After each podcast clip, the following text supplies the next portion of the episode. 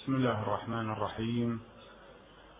والحمد لله رب العالمين وصلى الله على الحبيب المصطفى أبي القاسم محمد.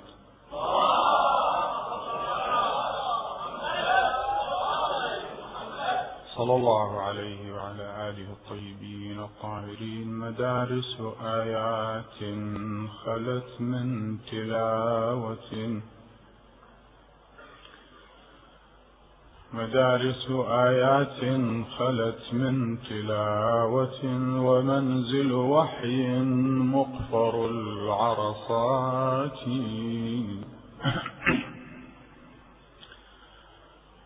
لآل رسول الله بالخيف من منى وبالركن والتعريف والجمرات. ديار علي والحسين وجعفر.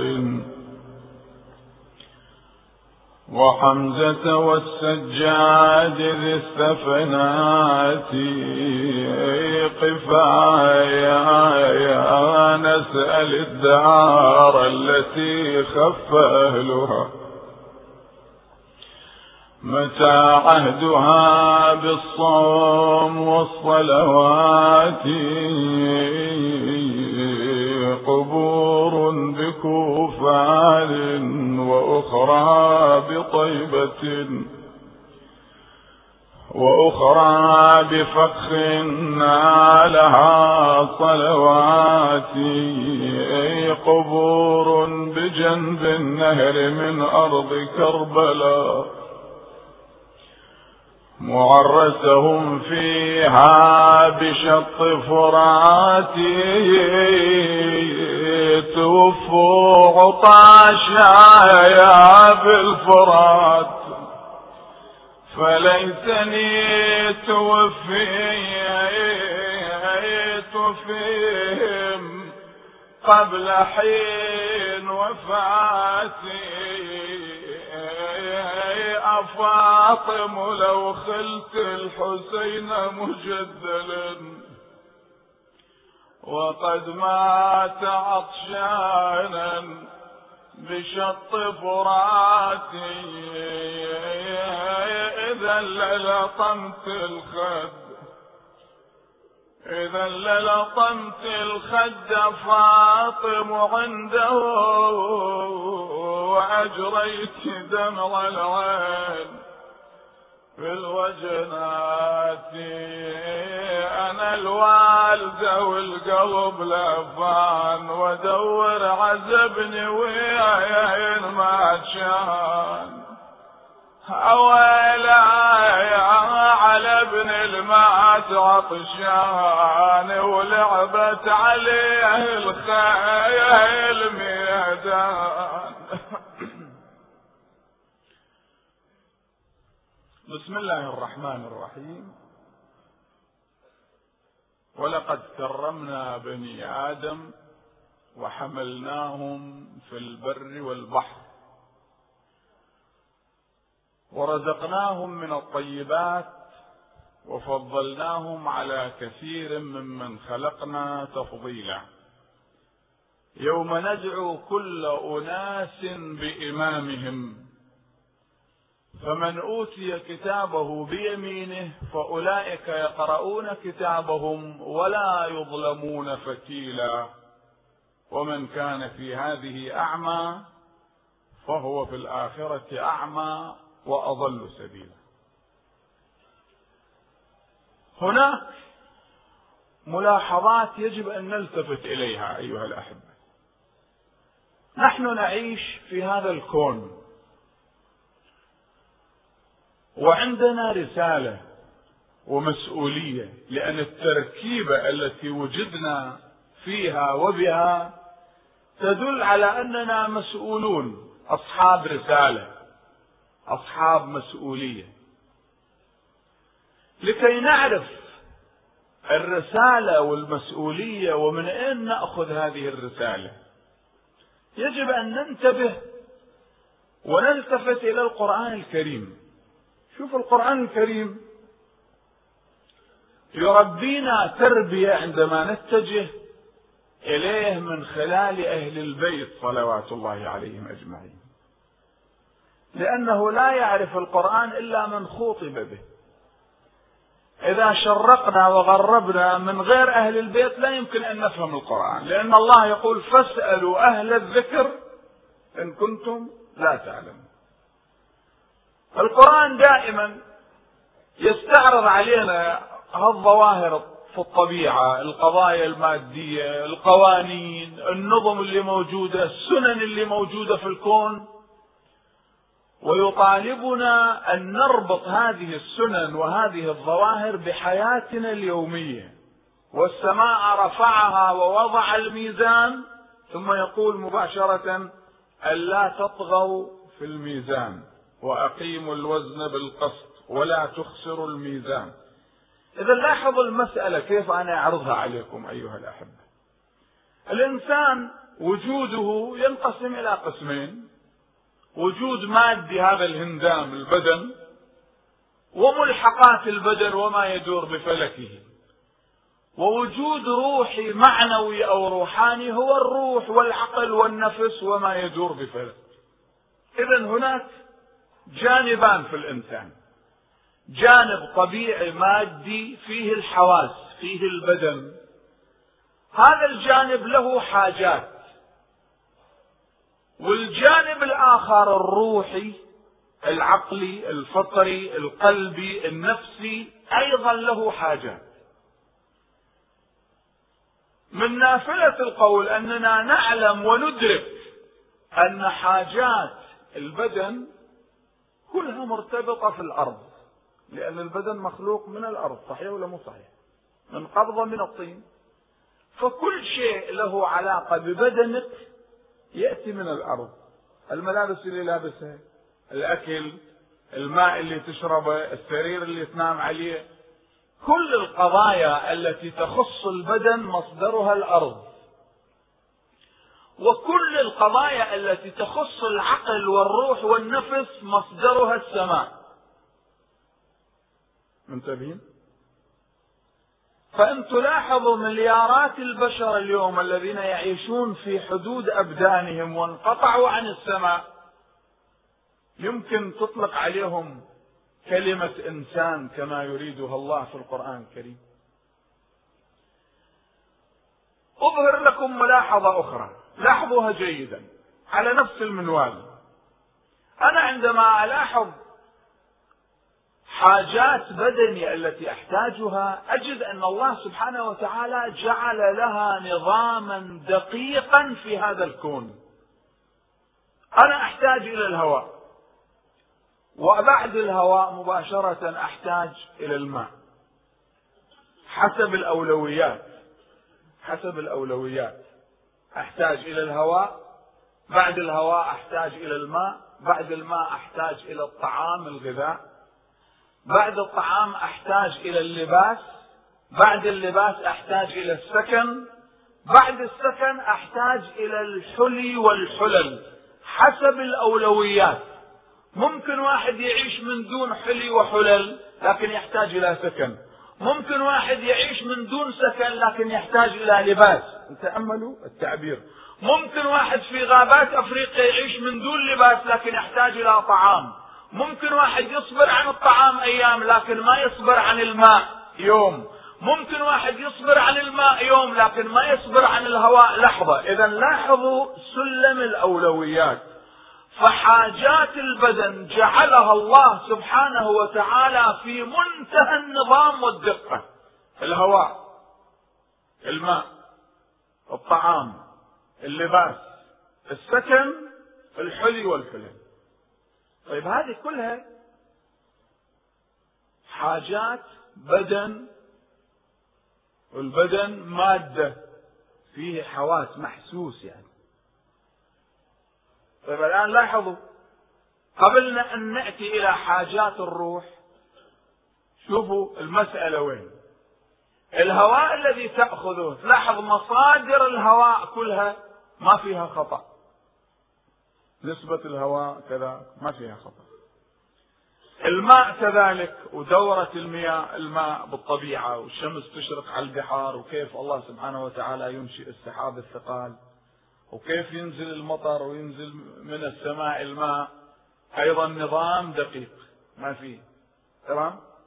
الغذاء الذي نأكله أيضا هذه شجرة مصدره الشجر والشجرة لا تخطئ ما فيها خطأ فلما نجي للشجرة نجدها ما تخطئ. كذلك اللباس كذلك السكن. من مصادر غذاء البدن من مصادر ما فيها خطأ. شجرة ما تخطئ. شجرة القمح ما تخطئ. تعطيك قمح. شجرة التفاح ما تخطئ. تعطيك تفاح. طيب الآن لاحظوا. إذا كان البدن هذا البدن وإحنا عندنا الروح أعظم من البدن والإنسان بعقله وروحه ونفسه.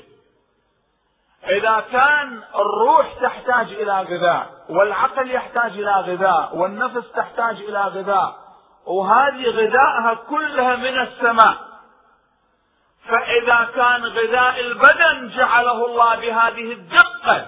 من العمق والعصمة إذا يصح مجازا. أقول أن الشجرة معصومة مجازا وليس حقيقة لأن العصمة لا تطلق إلا على مخلوق له القدرة على المعصية ولكن لا يعصي الله.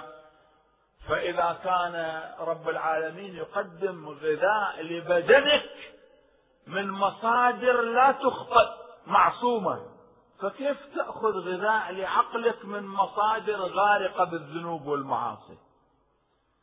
كيف نأخذ غذاء لأرواحنا من مصادر كلها ذنوب ومعاصي؟ يعني هذه هاي قضية واضحة جدا. كل إنسان يلتفت إليها. يا جماعة أنا بدني يحتاج غذاء. فجعل الله غذاء بدني من شجرة لا تخطئ. عقلي أيضا يحتاج إلى غذاء. فكيف أخذ غذاء عقلي من إنسان عاصي كافر؟ كيف أخذ غذاء روحي من إنسان لا يعبد الله سبحانه وتعالى؟ إذا لابد أن يكون مصدر غذاء الروح من إنسان معصوم. ما دام البدن غذاء من مخلوقات وأشجار ما تخطئ والشجر النجم والشجر يسجدان صح ولا مو صحيح؟ كلها ما تخطئ. فكيف العالم اليوم يتجه إلى أناس لا يعرفون الله؟ ولا يؤمنون بالله ولا باليوم الآخر ويأخذون منهم غذاء أرواحهم ونفوسهم وعقولهم. فلينظر الإنسان إلى طعامه. في إشارة أيضا من الإمام أبي جعفر الباقر سلام الله عليه والإمام أبي عبد الله الصادق يقولان فلينظر الإنسان إلى طعامه أي فلينظر إلى علمه الذي يأخذه عمن يأخذه. فما دام بدني يحتاج إلى شجرة ما تخطئ عقلي يحتاج إلى إمام لا يخطئ وروحي تحتاج أو يحتاج إلى إمام لا يخطئ ونفسي وقلبي كذلك. من هنا تبدأ كرامة الإنسان وهوان الإنسان. شوف شلون. بعد كم يوم راح يجينا شهر رمضان. صح ولا مو صحيح؟ شوف التعبير في شهر رمضان. أنا أرجوك أنك تتفاعل يعني عملية تفعيل شوية هالشكل. مع هذا الفكر الإسلامي اللي من أهل البيت أنا أنقله لكم أنا ناقل لكم أنقل ليس أكثر من نقل. شوف المسألة وين. في شهر رمضان آخر جمعة من شعبان من هذا الشهر رسول الله صلى الله عليه وسلم خطب خطبة والخطبة أنتم تسمعونها دائما. لكن يجب أن نتأمل في الخطبة هذه. كل كلمة عند أهل البيت جامعة إسلامية. بحر والله. بحر من العلم. كل كلمة. وقلت لكم دائما إذا كان القرآن وهو كتاب الله الصامت معرفته تقتضي منك أن تكون على تقوى وتدبر وورع. فكيف بكتاب الله الناطق وهو الإمام؟ وهو الإمام سلام الله عليه يقول أنا كتاب الله الناطق. كما حديث الثقلين يعني هم في منزلة واحدة. هذا كتاب الله الصامت وأنا كتاب الله الناطق يقول أمير المؤمنين. وقلت لكم هذا المعنى. ألا لاحظوا المسألة وين؟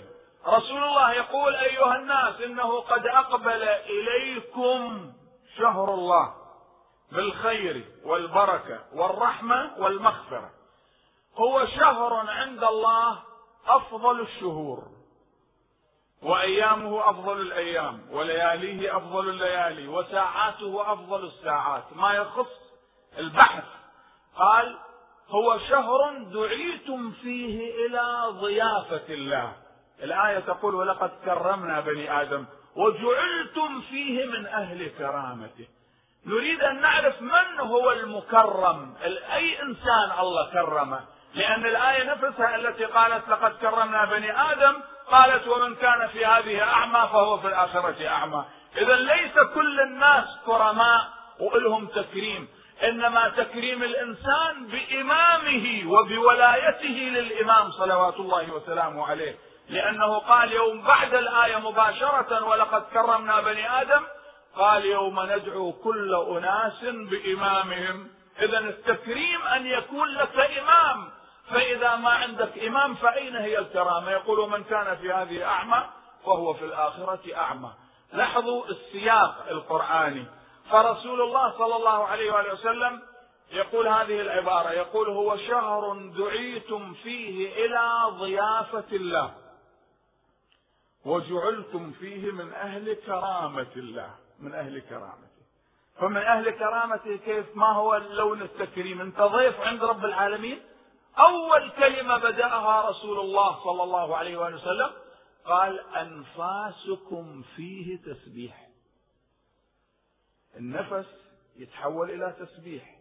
يعني في أول ليلة من رمضان عندما يلوح هلال شهر رمضان بالأفق هذا النفس اللي تتنفسه يتحول إلى تسبيح.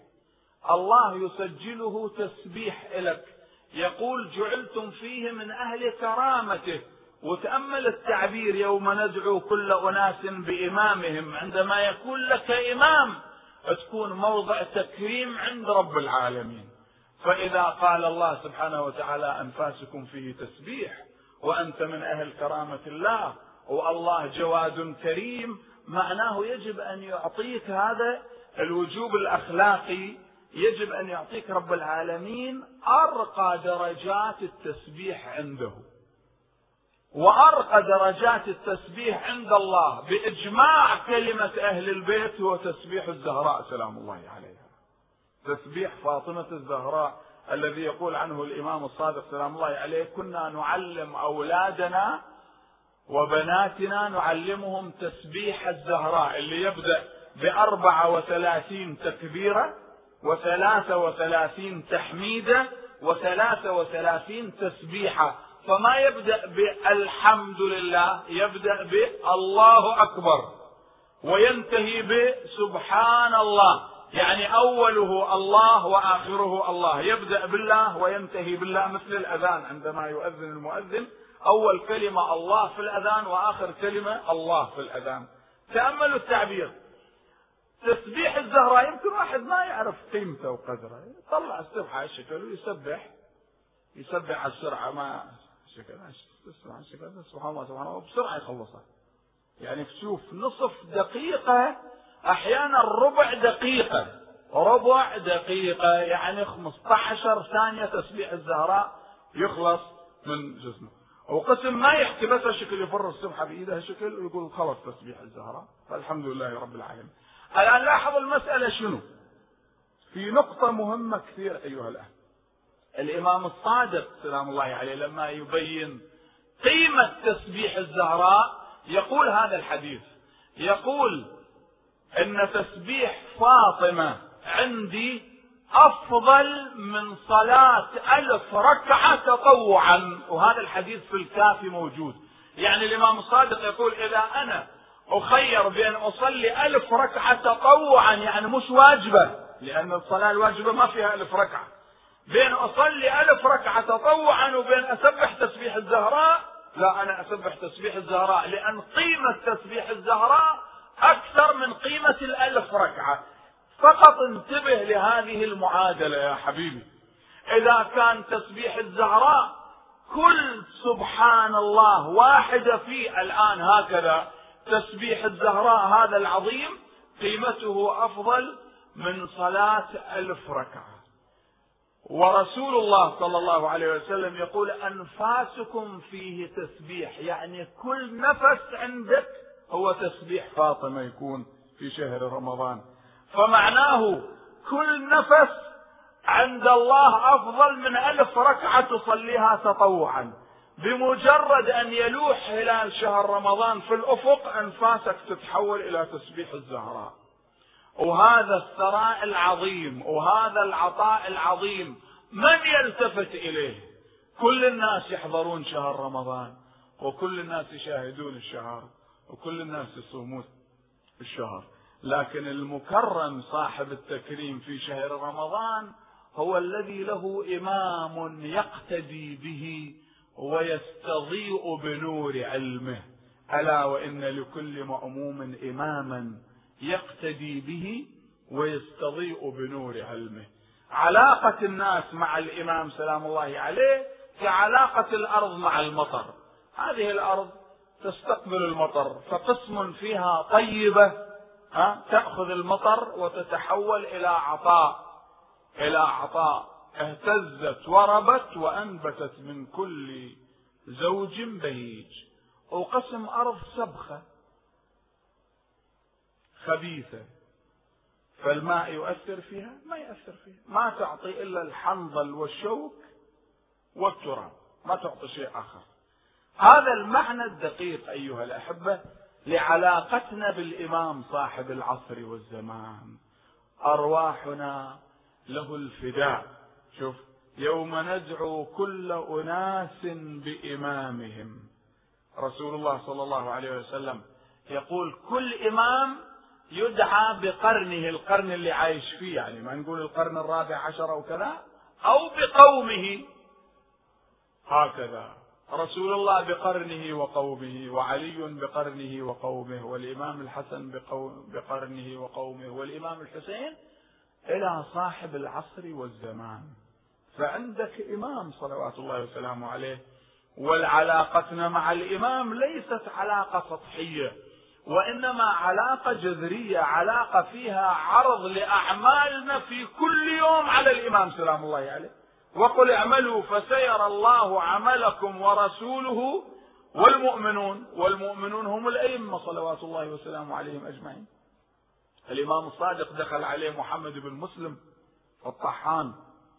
فالإمام قال له يا محمد لقد سرني أو سرتني صلتك ابن عمك الناصبي. عند ابن عم ناصبي يعني ينصب العداء لأهل البيت.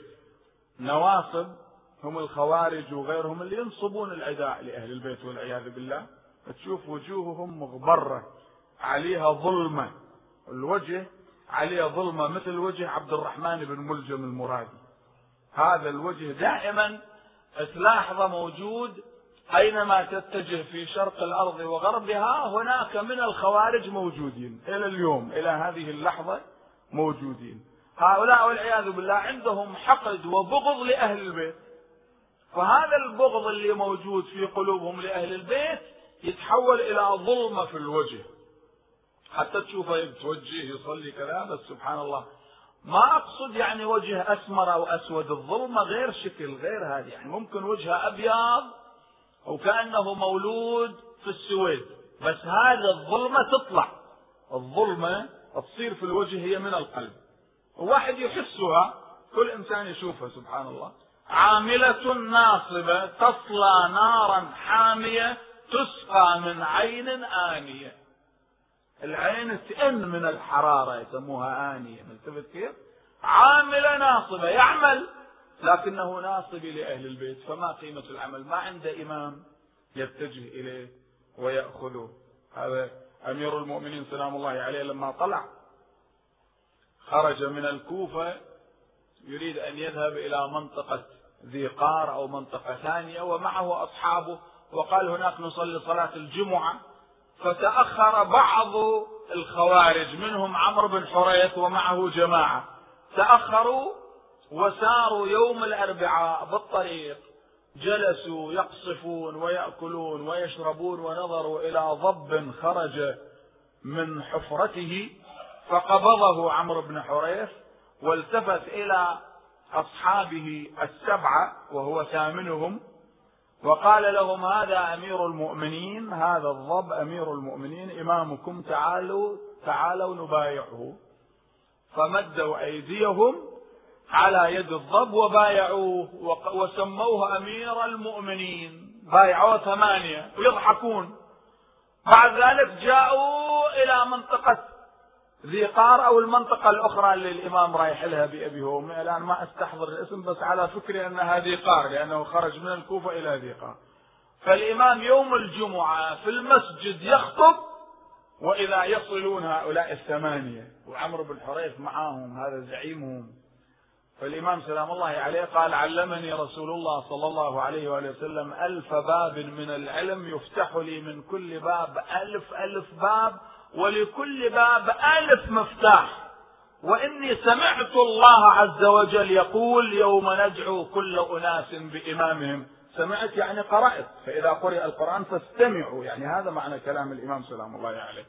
وإني سمعت الله عز وجل يقول يوم ندعو كل أناس بإمامهم. وإني أقسم بالله أنه ليحشر يوم القيامة ثمانية أشخاص ثمانية نفر وإمامهم ضب. عمرو بن حريث وقع على الباب. وما في محد صار. واحد يلتفت للثاني قال له شلون؟ كيف عرف علي بن أبي طالب إحنا بالصحراء؟ لا خبرنا أحد ولم نفترق عن بعضنا. فأمير المؤمنين يرانا ويشوفنا فوقعوا على الباب. الإمام قال هذا إمامهم ضب لأنهم بايعوه. يوم ندعو كل أناس بإمامهم. ال الهبوط النفسي أو الانحدار الخلقي والعياذ بالله. بينما واحد يشوف إمام عند إمام فيرتفع معه يرفع رأسه هكذا. ومن كان في هذه أعمى فهو في الآخرة أعمى. الإمام العسكري سلام الله عليه الإمام الحسن العسكري صلوات الله وسلامه عليه يبعث رسالة إلى إسحاق بن إسماعيل النيسابوري أو النيشابوري. يبعث له رسالة. ونيسابور كانت مدينة كبيرة مثل نجف كربلاء مثل قم. الآن محيت من الوجود ما لها وجود. كان فيها عشرات الألوف من العلماء. هذه نيسابور. فهناك رجل اسمه إسحاق بن إسماعيل. هذا من شيعة أهل البيت. الإمام الحسن العسكري سلام الله عليه بعث رسالة لهذا الرجل. اقرأوا هذه الرسالة موجودة في كتاب تحف العقول وموجودة في الكتب الأربعة موجودة في البحار بس في كتاب تحف العقول اقرأوها. اللي كيف يبدأ فيها الإمام وأنا أشير للشباب أن يتأملوا كلمات أهل البيت سلام الله عليهم أجمعين. الإمام يبدأ الرسالة بهذه الكلمة. بسم الله الرحمن الرحيم. يبدأ الرسالة بهذه الكلمة سترنا الله وإياك بستره. لأنه يهيئ الإمام العسكري يهيئ الأمة للتعامل مع إمام غائب مستور عنهم. فالكلمة نفسها لاحظوها سترنا الله وإياك بستره وتولاك بجميع أمرك.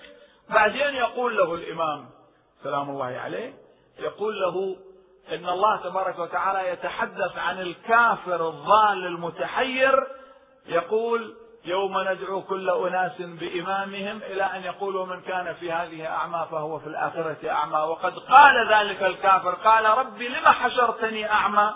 الآن هذه الآية في الإسراء وذيك الآية الأخرى في طه في سورة طه. قال ربي لم حشرتني أعمى وقد كنت بصيرا؟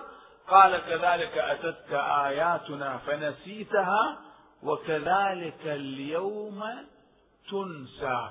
الإمام يقول لإسحاق بن إسماعيل يقول يا إسحاق وأي آية أعظم وأكبر من حجة الله على خلقه وأمينه في أرضه؟ ما توجد آية لله أكبر من الإمام لأن النبي هو أكبر آية لله فبعد النبي لا توجد آية أعظم من الإمام.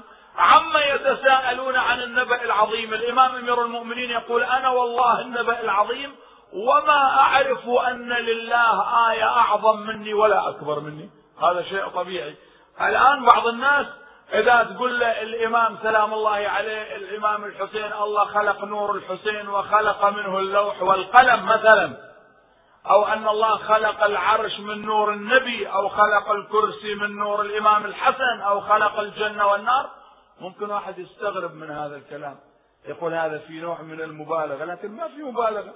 لأن الإمام هو أعظم وأكبر آية. لقد رأى من آيات ربه الكبرى. هذه في رحلة الإسراء والمعراج. كلكم تقرؤون هذا الشيء. في البيت المقدس في المسجد الأقصى صلى بالأنبياء.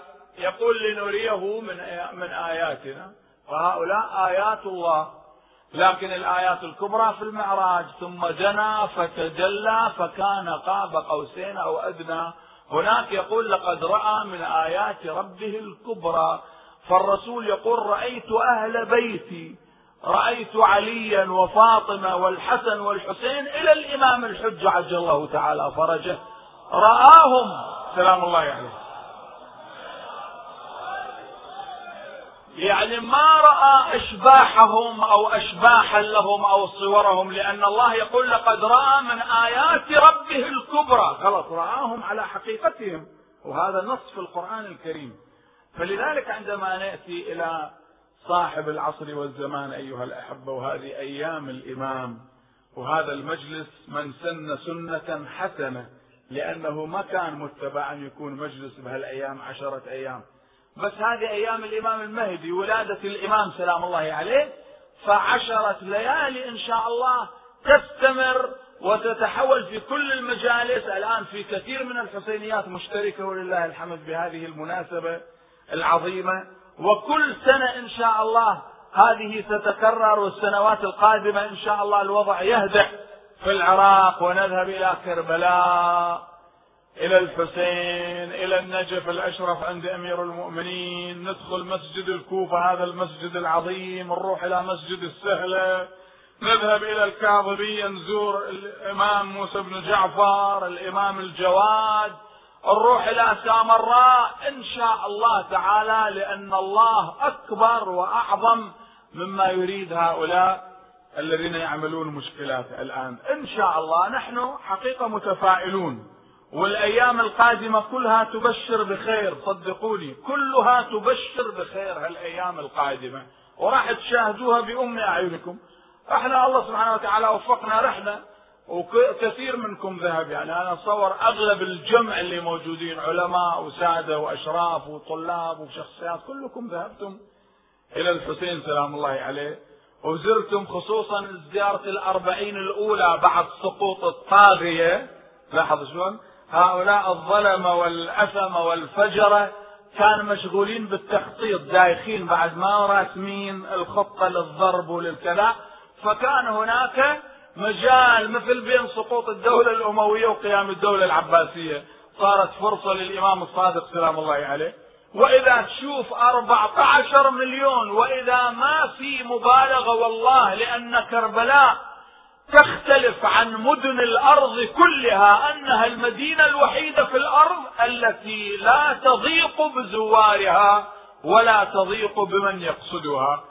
فأقل تقدير عشر ملايين اللي حضروا بزيارة الأربعين وأنتم رأيتم مواكب العزاء والناس ولا أحد ما شك أحدا منهم شوكة.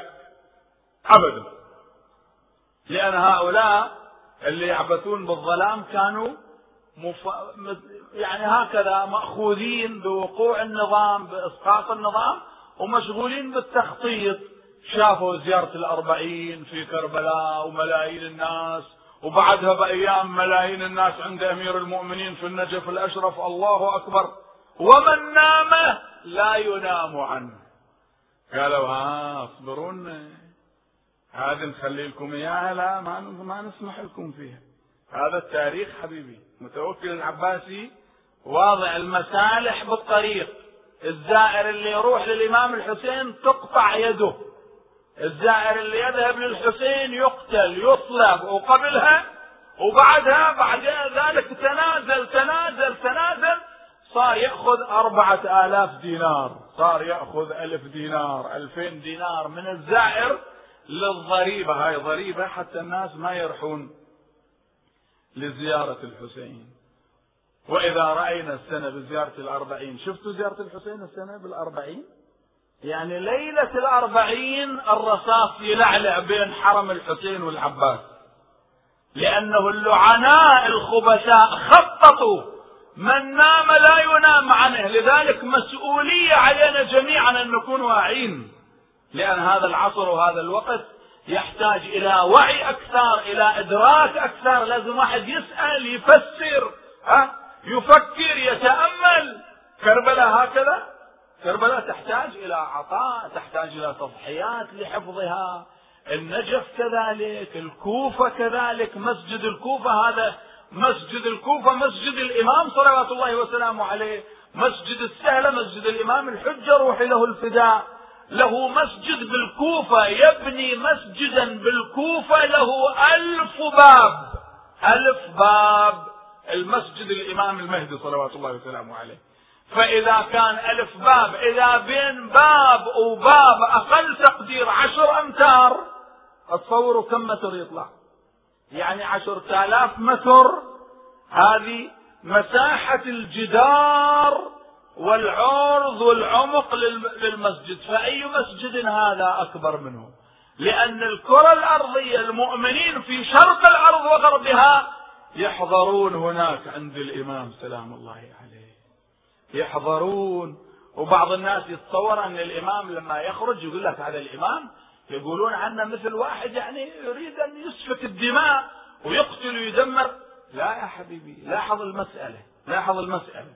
يوم يأتي بعض آيات ربك لا ينفع نفسا إيمانها لم تكن آمنت من قبل أو كسبت في إيمانها شيء. خيرا لاحظوا؟ الإمام يعطي مجال للكفار للمشركين لعبدة الأوثان لعبدة الأصنام لحملة الصليب يعطيهم مجال أن يأتوا إلى الحق. هذه هذه الحقيقة الخطرة المخيفة لاحظوها لأن عيسى لما يكون عيسى ابن مريم مع الإمام ويصلي خلف الإمام وهاي الروايات في البخاري موجودة. لكن ما نسمعها على المنابر. ما حد يحكي هاي روايات الإمام المهدي ما تقرأ على المنبر. روايات الإمام الحسن والحسين في البخاري وفي مسلم وأبواب موجودة. مناقب الحسن والحسين. ما في داعي أنا ما أذكر لا البخاري ولا مسلم. تركت بعد غيرت رأيي. اللي يجي للحق يجي من خلال أهل البيت. ما يحتاج تقول الحسن والحسين في البخاري. حسن والحسين في قلبك. إذا الحسن والحسين ما موجودين في قلبك فلا خير في هذا الإيمان أبدا. ما يحتاج أني أقرأ الإمام الحسين في البخاري أو أقرأ الإمام الحسين في الطبري وابن الأثير. لا أقرأ الحسين في قلبك. إن للحسين حرارة في قلوب المؤمنين لا تبرد أبدا. حسين بقلبك موجود. ولا تعال يا حبيبي الحسين موجود بالبخاري. لا لا والله بعد القضايا هذه يمينا أثبتني فيها بمشيئة الله. ما راح أسترها أبدا. من اليوم فصاعدا. كيف الآن أكثر من خمسين سنة على هذا المنبر. من عمرنا خمس سنوات إلى اليوم. لاحظوا ونذكر المصادر هذه. فكم واحد الله هداه واجى للطريق الإمام لما يخرج يوم يأتي بعض آيات ربك لا ينفع نفسا إيمانها لم تكن آمنت من قبل الإمام يقبل من المشرك والكافر أن يجي للحق لكن ما يقبل من المخالف أن يأتي. لأنك أنت شايف الطريق أمامك. إيش تنتظر؟ تنتظر لما تطلع الشمس من المغرب يعني؟ ها؟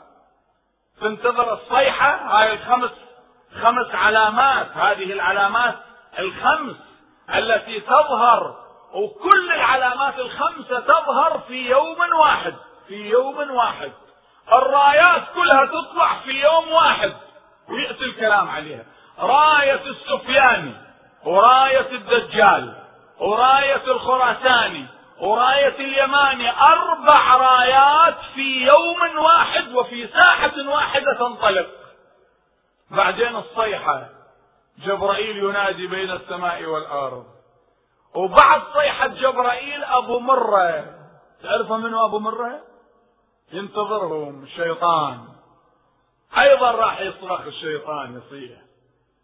حتى هنا تلاحظ المؤمن الثابت على الإيمان يلتزم بإيمانه. لا هذه صيحة جبرائيل خلص هذه الصيحة الصحيحة.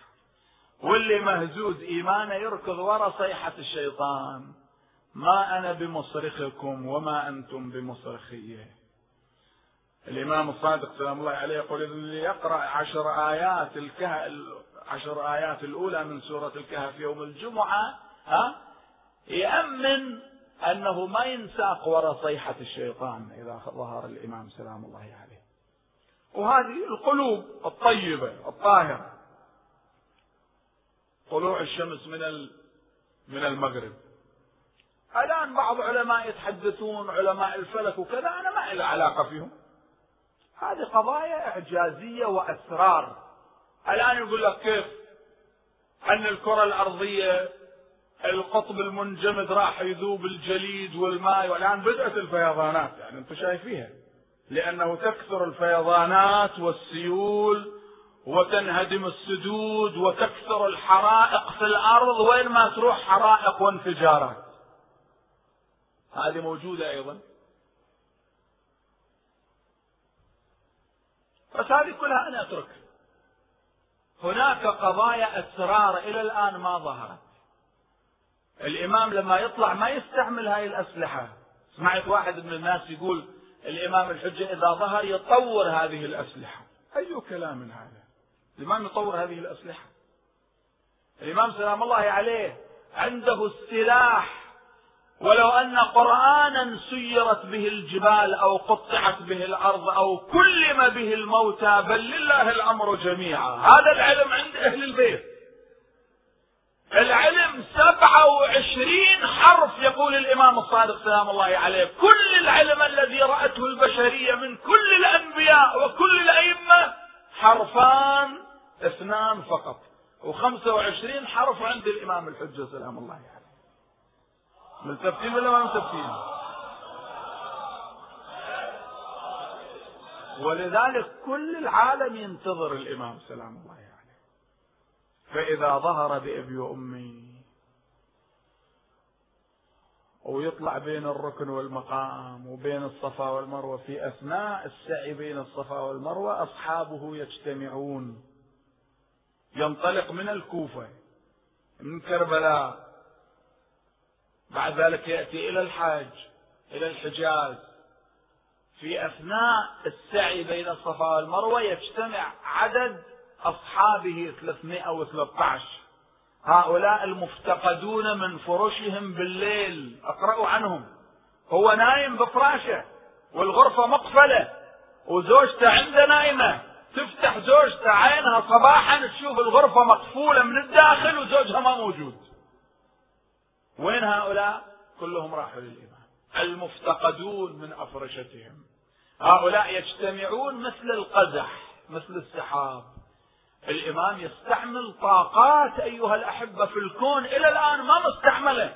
مثلا في الأخبار الإمام المهدي سلام الله عليه يقابل جيشا فيشير بيده إلى سحابة أن تمطر هذا الجيش فتمطره نارا فتفني يفني الجيش كله في لحظات. يعني لاحظوا هذه هذه قضايا أسرار يعني هناك سلاح عند الإمام ما ممكن معرفته إحنا ما نعرفه. وإلا أصحاب الإمام يخرج الواحد منهم بالسيف بيده سيف لكن الإمام الباقر يقول وإن السيف بيد أصحاب الإمام المهدي لو وجه إلى جبل لقده نصفين. فأي سيف هذا سيف واحد يقد الجبل نصفين. تأملوا إذا ليست مسألة سلاح تقليدي أو سلاح معروف. القضية عميقة جدا.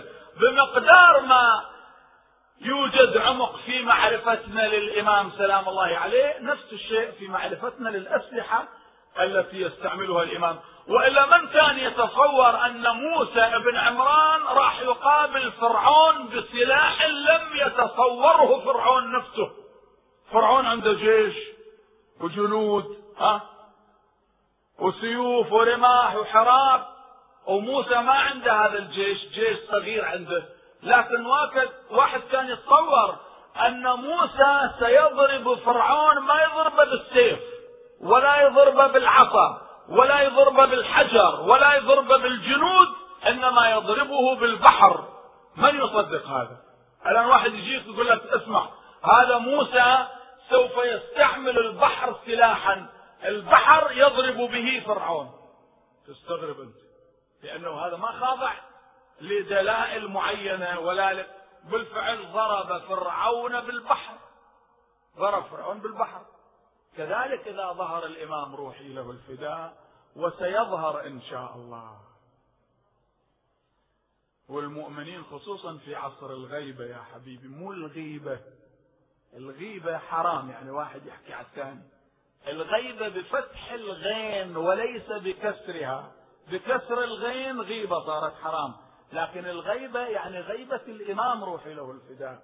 الإمام الغائب في غيبته النائب الرابع لما كتب للإمام رسالة وقال له هيئ نفسك خلال ستة أيام أنت ترتحل إلى الرفيق الأعلى ولا تعين من بعدك من يكون نائبا لنا. هاي النواب الأربعة بالغيبة الصغرى الآن بدأت الغيبة الكبرى الإمام يقول له ومن يدعي المشاهدة من شيعتي فكذبوه. المشاهدة. المشاهدة غير الرؤية. بعض الناس إذا يسمع سيد حيدر الحلي قرأ قصيدته العينية للإمام الحجة يقول هذا الكلام مو صحيح لأن الرؤية حرام. الإمام يقول من ادعى الرؤية الإمام ما قال من ادعى الرؤية. قال من ادعى المشاهدة وفرق بين الرؤية والمشاهدة. أنا أقول لكم الفرق في لحظة واحدة تأملوها. المشاهدة من الشهود من الحضور فمن شهد منكم الشهر فليصمه. من شهد الشهر ما يقصد من رأى الهلال. يعني إذا أنت مسافر ورأيت الهلال بعينك لا يقال لك أنك شهدت الشهر. ملتفت شو؟ إذا أنت مسافر في سفر ورأيت الهلال هل يقال لك أنك شهدت الشهر؟ ما يقال لك شهدت الشهر لأن المشاهدة غير الرؤية. أنت رأيت الهلال وأنت مسافر وما عليك صيام. فإذا ما ينطبق عليك فمن شهد منكم الشهر فليصموا من شهد منكم الشهر يعني من كان حاضرا في وطنه في بيته حضور مع رمضان. هذا شهود هاي مشاهدة. الإمام يرفض المشاهدة أن واحد يحضر مع الإمام ويعرف أنه هذا الإمام ويجلس معاه ويأخذ منه كلام ويعطي كلام هذا المرفوض. أما رؤية الإمام ما مرفوضة. تشوف الإمام حتى استثناء موجود أحيانا تشاهد الإمام تراه بعينك وتعرف الإمام للحظات إذا كان القضية فيها ضرورة مثل قضية صاحب الرمانة في البحرين. وأنا ذهبت لزيارة قبره هذا العالم الجليل اللي الإمام سلام الله عليه جاءه وبين له التزييف والإفتعال والاختلاف. بقوالب ضربت على شجرة فيها رمان وطبعت عليها أسماء وكذا والقصة معروفة عندكم. اذا المشاهدة مرفوضة ومستحيل أنك تعيش مع الإمام وأنت تعرف أن هذا الإمام في عصر الغيبة. لكن الرؤية لا. الرؤية أنت يمكن تشوف الإمام. الشيخ عبد الزهر الكعبي الله يرحمه نقل لي هو نفسه. يقول أنا جالس في صحن الإمام الحسين في الصباح قبل طلوع الشمس. كان يوم جمعة. فرأيت سيد جليل جاءني هشك النوراني وقف علي وقال يا شيخ عبد الزهراء اسمعني قصيدة ابن العرندس قوايا نظامي في الزمان لها نشر. يقول أنا قمت وقرأت هذا القصيدة إلى أن وصلت أيقتل ظمآنا حسين بكربلاء؟ يقول وإذا أسمع السيد ارتفع بكاؤه وارتفع صوته وقال يا أيقتل هو هو يقول صاح السيد كان يرفع صوته وينادي أيقتل أيقتل. بعد ذلك لحظة واحدة ما رأيته فعلمت أن هذا أمر خاص لصاحب العصر والزمان. فالرؤية هكذا موجودة. هذا دار السلام للشيخ النور اقرأوه ولاحظوا كيف يذكر أنه ناس ها؟ ناس كثيرون تشرفوا بلقاء الإمام لكن مو مشاهدة. شافوه تكلموا معه بعدين عرفوا أنه الإمام. وإلا قوله تبارك وتعالى وليقضوا تفثهم وليوفوا نذورهم. بالنسبة لمناسك الحج أقرأوا التفسير الصحيح عن أهل البيت. ليقضوا تفثهم تفسيره صح أنه مناسك الحج والنظافة وكذا لكن يقضوا تفثهم لقاء الإمام. فإذا كان الإمام ما يرى أبدا هذه الآية كيف أنت تطبقها؟ ولذلك الإمام يحضر الموسم دائما هذا الموسم يوم عرفة اللي يبدأ عند الزوال بعكس وبخلاف موقف المزدلفة المشعر الحرام الذي يبدأ عند الفجر. لأنه هنا يا حبيبي احتراما للإمام. الموقف يبدأ عند الزوال ما يبدأ صباحا. لماذا؟ لأن يوم عرفة في الصباح الإمام يكون عند الحسين عند جده. عند الإمام الحسين يزور كربلاء. بعد ذلك يحضر الموقف. فإذا حضر إنما يقام الموقف بوجود الحجة صلوات الله وسلامه عليه. بينما في المزدلفة الإمام موجود روح له الفداء فجرا. فكثير من الناس يشاهدوا. هذا سيد حيدر الحلي صاحب الحوليات. حولية هاي حولية. كل سنة يقول قصيدة. وهاي عينية. ولم يعرف بها أحد. يأتي إلى كربلاء يوم العاشر وهناك يقرأها. تخلف تأخر عن الركب. وإذا سيد جليل يستقبله بعد أن انتهى سيد حيدر من وضوئه وكذا وركب جواده وواصل المسير خلف الركب. يقول السيد استقبله قال يا سيد حيدر اسمعني قصيدتك العينية. يقول أنا بدأت أقرأ وما أعرف لكن هذا السيد ماسك زمام الفرس بيده ويسمعني واني على الفرس لو أدري الإمام كنت أنزل. لا أنا على جوادي على صهوة الجواد. وأقول له الله يا حامي الشريعة. بشير بإيدي إلها. الله يا حامي الشريعة. هنيئا لك يا سيد حيدر. إي والله. مات التصبر في انتظارك أيها المحيي الشريعة. كم ذا القعود ودينكم هدمت قواعده الرفيعة.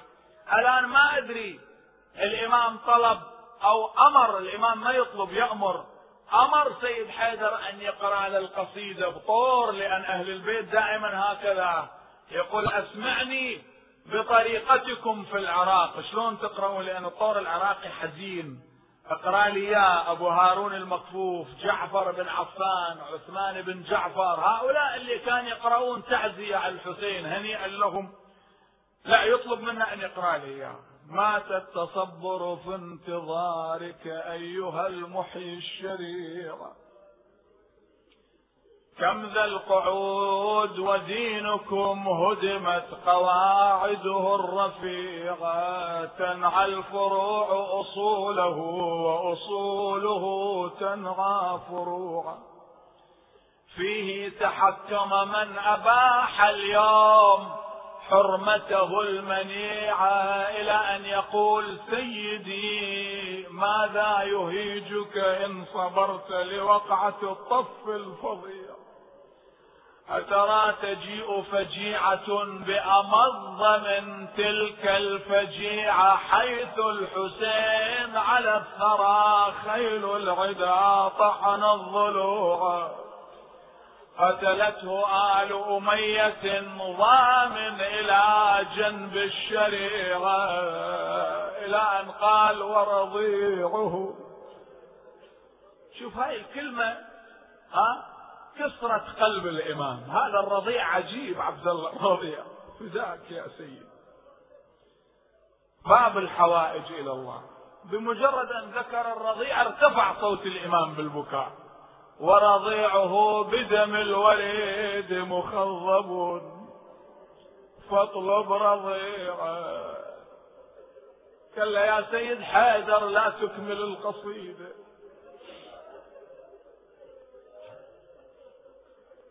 الرضيع الرضيع عجيب عند أهل البيت عبد الله. حتى الامام الإمام الحجة لما يزور زيارة الناحية المقدسة يقول السلام على عبد الله الرضيع المرمي الصريع المتشحذ دما المصعد بدمه إلى السماء المقتول على صدر أبيه الحسين. لعن الله قاتله حرملة بن كاهل الأسدي ودويه. يقول له المختار يسأل حرملة يقول له ويلك ما رق قلبك لهذا الطفل الرضيع؟ قال بلى رأيته يعانق أباه الحسين عندما ضربته. لأنه نزع يديه من القماط وعانق أباه الحسين. فدوة لهاليدين الطيبة سيدي أروح لك فدوة يا مولاي. لذلك الإمام الحسين ما تحمل. لما رجع إلى المخيم حفر له بجفن سيفه ودفنه. ما قدر ما استطاع الحسين يترك الرضيع مع القتلى مع الشهداء.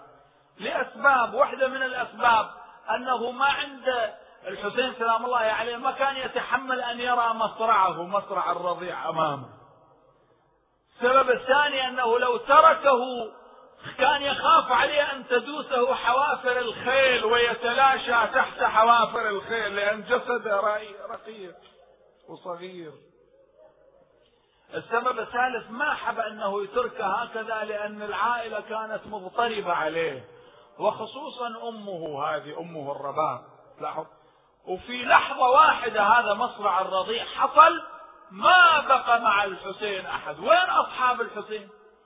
أنت شوف حب الإمام الإنسان اللي عنده إمام زمانه وماشي خلفه ماذا يصنع هذا الحب الإنسان؟ ها الحجاج بن مسروق الجحفي من أصحاب الحسين يدور بالمعركة بيقاتل بأثناء القتال يعمل بيتين من الشعر يمتدح فيهم الحسين. قال والله أنا راح أطلع من المعركة أروح أقرأ الأبيات للحسين وأرجع مرة ثانية أنقتل. التفت التفت. يعني هم كانوا يديرون المعركة ما كانت المعركة تديرهم. إحنا مع الأسف هذا البعد ما ندرسه. هذا بعد جدا عظيم. أن علي الأكبر يرجع من المعركة يقول أبا العطش قد قتلني أو أن القاسم سلام الله عليه ينحني فيسوي شسع نعله. وذاك الراوي حميد بن مسلم وغيره يقول ولا أنسى أنها اليسرى. معنى ذلك أنه لما هجم على القوم أخذ القوم بصدره يعني الساحة أخلاها من الجيش. حتى استطاع حميد بن مسلم يرى شسع نعله ويرى أنها كانت الرجل اليسرى. يعني هؤلاء حبيبي لازم تدرس هذا البعد اللي موجود عندهم. لا تستغرب واحد يقول لك كم قتلوا وكم قتلوا وكم قتلوا.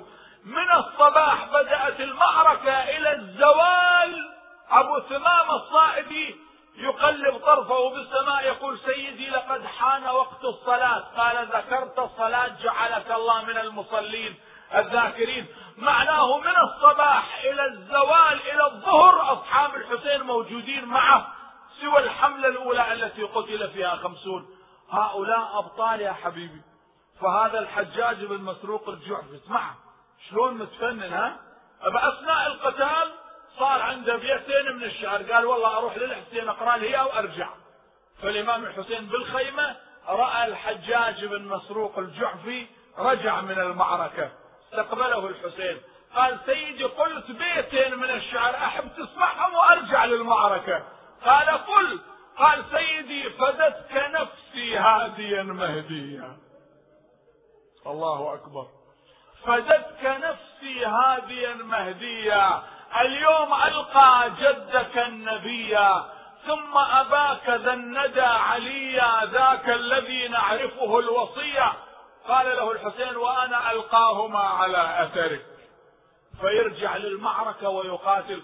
الآن الإمام الحسين ما عنده أحد من هؤلاء لما قتل الرضيع عبد الله الرضيع. ما كان عنده أحد لذلك دفنه ورجع إلى الخيمة. استقبلته سكينة. أبا سقيت أخي ماء وجئتني ببقيته قال بني عظم الله لك الأجر لقد قتل أخوك عبد الله الرضيع. وهي هاي سكينة نفسها. أخت عبد الله الرضيع لأنها بنت الرباب. وتعرف الرباب جلست بالشمس حتى بليت وماتت تحت أشعة الشمس. ما استظلت بسقف أبدا. لماذا؟ الإمام السجاد يسألها. وفد من أهل البصرة زاروا الإمام زين العابدين. فرأوا جارية جالسة في الشمس فمروا على الإمام يا ابن رسول الله عندنا حاجة قبل أن نعرض حاجاتنا عليك. رأينا جارية في بيتك جالسة في الشمس ممكن أنك أجلستها هناك لتؤدبها؟ فلو عفوت عنها يا سيدنا. قال معاذ الله ليس من شيمتنا أن نؤدب جارية نجلسها في الشمس. تعرفون منو هذه الجارية اللي جالسة في الشمس؟ قالوا لا. قال هذه الرباب زوجة أبي الحسين. زين سيدنا قل لها تكلم معها. الإمام قام وإجى لها. لكن لاحظوا دقة الخبر. الإمام ما قال لها قومي يا رباب. لو قال لها قومي صار أمر. لازم تقوم. لا. قال لها إني أخشى عليك أن تموتي. قالت والله لا أستظل بسقف أبدا. قال لماذا؟ قالت لأني رأيت جسد حجة الله تصهره حرارة الشمس. هي هاي الرباب نفسها اللي تقول يمر الليل وقض الليل سهران على ذكراك يطر الفجر وعيوني يتراوالها ملقاك شنو البصر؟ لا ترجع ولا انساك. لا يرضى القلب ينسى ولا ترضى العيون تنام. ولا طيفك يفارجني الله يرحم صاحب الأبيات. ولا طيفك يفارجني ولا تنسيني الأيام. هذه الرباب. ابنها عبد الله وبنتها سكينة. ما دام قلت الكلمة هذه أيضا في دقيقة واحدة أبين لكم الملاحظة هذه. الرباب الرواية تنقل تنقل عن أهل البيت أنها في مجلس ابن زياد لما رأت رأس أبي عبد الله الحسين موجود وصار الموقف بين ابن زياد وبين السيدة زينب وقام ابن زياد يريد يضرب السيدة زينب سلام الله عليها وبعد ذلك عمرو بن حريث قال له أنت حافظين القصة كلها وقال أنها امرأة وكذا قال أما تراها كيف تجرأت علي؟ الآن هكذا. الله يرحم سيد عبد الزهرة الخطيب صاحب مصادر نهج البلاغة يقول هذه الرواية رأيتها بفلان مصدر وذكره وموجودة الرواية أيضا. يقول كان بني صغير لابن زياد لما رأى أباه ابن زياد يتجه إلى العقيلة زينب ليضربها آه لحقه وأخذ أطراف ثيابه. وقال له ابا لا تكلم هذه المرأة وهو يرتعد الطفل عمره سبع سنوات؟ فابن زياد قال ويحك ولم لأن رأس الإمام الحسين كان بين يديه. قال أبا لما رأيتك تقصدها لتضربها رأيت الرأس يرمقها بعينه يتوجه إليها. قال ويحك اسكت لا تكلم أحدا. ورجع. ابن زياد بهالحالة الرباب كانت واقفة ألقت بنفسها على رأس الحسين وضمته إلى صدرها وصارت تبكي فضربها الشرط وابن زياد ضربوها بال على كل حال بالسياط حتى قامت. الحوراء زينب تكلمت معها قالت لها يا نور عيني لماذا ألقيت بنفسك على رأس الحسين؟ وتحملت هالضرب هذا. قالت سيدتي أنا بقت حسرة في قلبي. يوم العاشر الإمام الحسين لما ودعنا أنا ما قدرت أودعه أخذتني حالة من الحياء من البكاء. ردت أقبل جبهة الحسين. الآن صار الإمام الحسين أمام هذه الرباب وابنتها سكينة اللي كلمة الدعاء فيها. كلها إجت من وين؟ من كلام سيد حيدر. للحسين للإمام الحجة يقول له ورضيعه بدم الوريد مخضب. الآن وهم خارجون طالعين. القافلة القافلة هذا الركب أول ما يطلع لا يقال له قافلة يقال له ركب لأنه لما يرجع قافلة. زين. فسمعت عمتها زينب تخاطب تنادي يا جداه يا رسول الله صلى عليك ملائكة السماء هذا حسين بالعراء محزوز الرأس من القفا مسلوب العمامة والرداء فألقت بنفسها من محملها منو؟ سكينة. واعتنقت جسد أبيها الحسين. وهي تنقل الرواية تقول سمعت الصوت يخرج من منحره. يقول شيعتي ما إن شربتم عذب ماء فاذكروني. الرواية لهذا الشعر بالذات حتى جاء عليها جماعة أو ثلة من الأعراب فضربوها ونحوها عن أبيها الحسين. فقامت والدموع جارية تقول لأبويا برضاك يا رغما عليك يجرن العدو من بين يديك. أي نعم. فهاي الأبيات اللي أنا أختم فيها المجلس والثواب للجميع بارك الله فيكم. هذا واحد من من أهل الحسين سلام الله عليه من كربلاء من خدام سيد الشهداء. يقول للإمام الحسين يقول له سيدي أنت بمهدك فطرس لاذ بمهدك فعادت له أجنحته. والناس يلوذون بقبرك بقبرك لذنا والقبور كثيرة ولكن من يحمل جوار قليل. لذلك يقول له تلوذ بقبرك الوادم وانت للخلق حماي. لكن بس وحدة عندي سؤال أبا عبد الله أنه سكينة ما حميتها لما إجت عندك على جسدك؟ فيقول له حماي الدخل يا حسين كل الوادم يشهدون.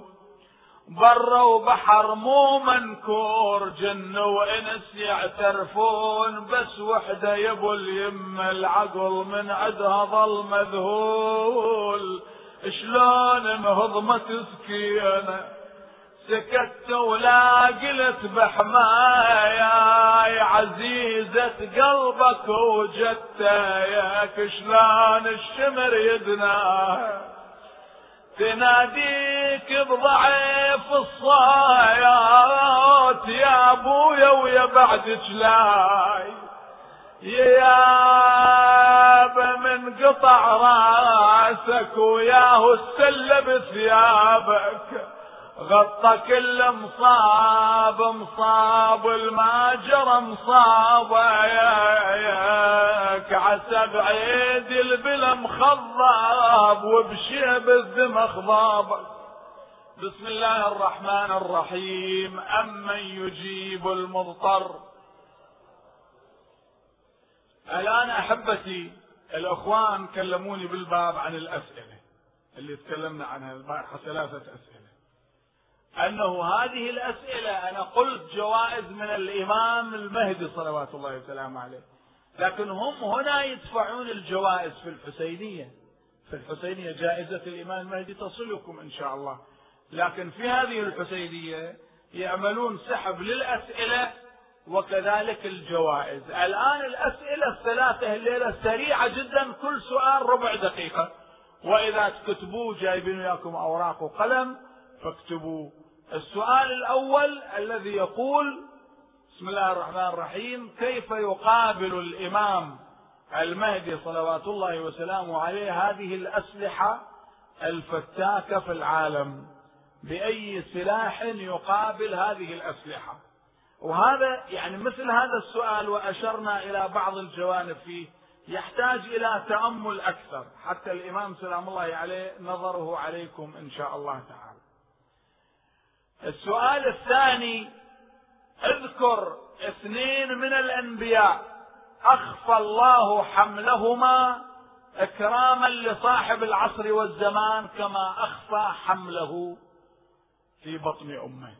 فاثنين من الأنبياء أخفى الله حملهما. واحد منهم تعرفوه كلكم لكن الثاني يحتاج إلى تأمل أكثر حتى تأخذون النتيجة إن شاء الله تعالى. السؤال الثالث عاصمة الإمام الحجة سلام الله عليه في أي مكان في الحجاز أم في العراق. وإذا كانت في العراق ففي أي منطقة من العراق تكون عاصمة الإمام الحجة روحي له الفداء. بعدين الأسئلة أنتم تعطون هذه الأسئلة إلى أصحاب الموقع مال الكمبيوتر هنا في باب الحسينية. تعطوهم الأجوبة. يعني هذه أسئلة هكذا لذيذة وطيبة وتفتح الشهية على الفكر وعلى المعرفة. بسم الله الرحمن الرحيم. وبيننا وبين مولد الإمام كم ليلة بعد؟ الليلة الثلاثة. إذا على الخميس. يعني أنا حسب عقيدتي. ومثل ما رأيت رجب رجب كان يوم الثلاثاء بدايته ونهايته يوم الأربعاء شهر رجب. لاحظون شلون؟ فيكون ثلاثين يوم. الإمام الباقر يقول أن الله سبحانه وتعالى جعل السنة 360 يوم فنزع منها ستة أيام اللي خلق السماوات والأرض فيها فبقى 354 يوم. إذا تلاحظون 354 يوم توزع على الأشهر شهر 30 شهر 29 30 29 30 29 وأول أشهر السنة القمرية شهر رمضان لأن رمضان فيه ليلة القدر والله يكتب لكم في ليلة القدر كل ما يجري طول العام. فرمضان ثلاثون يوم دائما بدليل قوله تعالى ولتكملوا العدة. ورسول الله ما صام رمضان غير ثلاثين يوم. شوال 29 ذي القعدة 30 ذي الحجة 29 محرم 30 وهكذا تجون إلى أن تصلون إلى رجب 30 شعبان 29 رمضان 30 فمعناه ليلة الخميس ليلة النصف من شعبان إن شاء الله تعالى. واللي يرجوها ليلة الجمعة إحنا معاهم واللي يحبون يخلوها بعدين ليلة السبت ما في مانع. بس هي ليلة الخميس هكذا كل الليالي إن شاء الله ليلة النصف من شعبان. الليلة الثلاثاء فباقي بينكم وبين مولد الإمام ليلة واحدة. لذلك نستقبلها بروحية ونشاط وهمة عالية. وخبروا أخوانكم اتصلوا فيهم قولوا لهم هذه المجالس منعقدة لعشرة أيام باسم الإمام صاحب العصر والزمان. بارك الله فيكم. الآن ندعو الله سبحانه وتعالى. بسم الله الرحمن الرحيم. بسم الله وبالله ومن الله وإلى الله وفي سبيل الله وعلى ملة رسول الله صلى الله عليه وآله وسلم. اللهم إليك أسلمت نفسي وإليك وجهت وجهي وإليك ألجأت ظهري وإليك أسندت ظهري وإليك فوضت أمري. فاحفظني بحفظ الإيمان من بين يدي ومن خلفي وعن يميني وعن شمالي ومن فوقي ومن تحتي وادفع عني بحولك وقوتك فإنه لا حول ولا قوة إلا بالله العلي العظيم. اللهم وصل على محمد عبدك ورسولك ونبيك وحبيبك وصفيك وخيرتك من خلقك وحافظ سرك ومبلغ رسالاتك أفضل وأحرى رسول رب العالمين. عبدك ووليك وأخي رسولك وحجتك على خلقك وآيتك الكبرى والنبأ العظيم. وصل على الصديقة الطاهرة فاطمة الزهراء سيدة نساء العالمين. وصل على سبطي الرحمة وإمامي الهدى الحسن والحسين سيدي شباب أهل الجنة. وصل على أئمة المسلمين علي بن الحسين ومحمد بن علي وجعفر بن محمد وموسى بن جعفر وعلي بن موسى ومحمد بن علي وعلي بن محمد والحسن بن علي والخلف الهادي المهدي. حججك على عبادك وأمنائك في بلادك صلاة كثيرة دائمة. اللهم وصل على ولي أمرك القائم المؤمل والعدل المنتظر وحفظه بملائكتك المقربين وأيده بروح القدس يا رب العالمين. اللهم اجعله الداعي إلى كتابك والقائم بدينك. استخلفه في الأرض كما استخلفت الذين من قبله. مكن له دينه الذي ارتضيته. له أبدله من بعد خوفه أمنا يعبدك لا يشرك بك شيئا. اللهم كل وليك الحجة ابن الحسن صلواتك عليه وعلى آبائه في هذه الساعة وفي كل ساعة وليا وحافظا وقائدا وناصرا ودليلا وعينا حتى تسكنه أرضك طوعا وتمتعه فيها طويلا. برحمتك يا أرحم الراحمين وإلى أمات الجميع الفاتحة مع الصلوات.